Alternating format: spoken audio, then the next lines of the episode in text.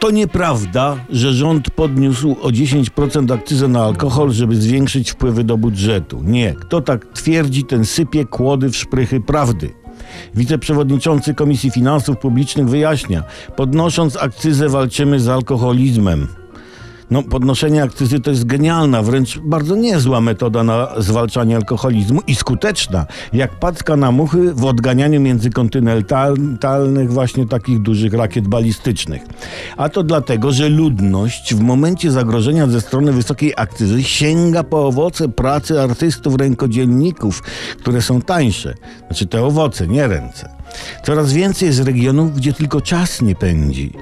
E, W wielu miejscach na oficjalny alkohol mówi się wódka rządowa i, i nie budzi ona zaufania, bo łeb po niej boli.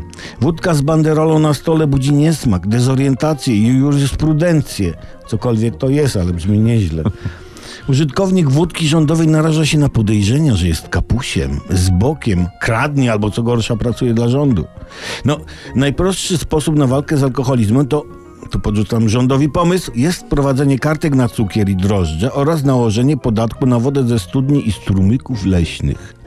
Podnoszenie akcyzy o 10% to symboliczna podwyżka. Alkohol powinien być tak drogi, żeby nikogo nie było na niego stać. Wtedy można walczyć z alkoholizmem.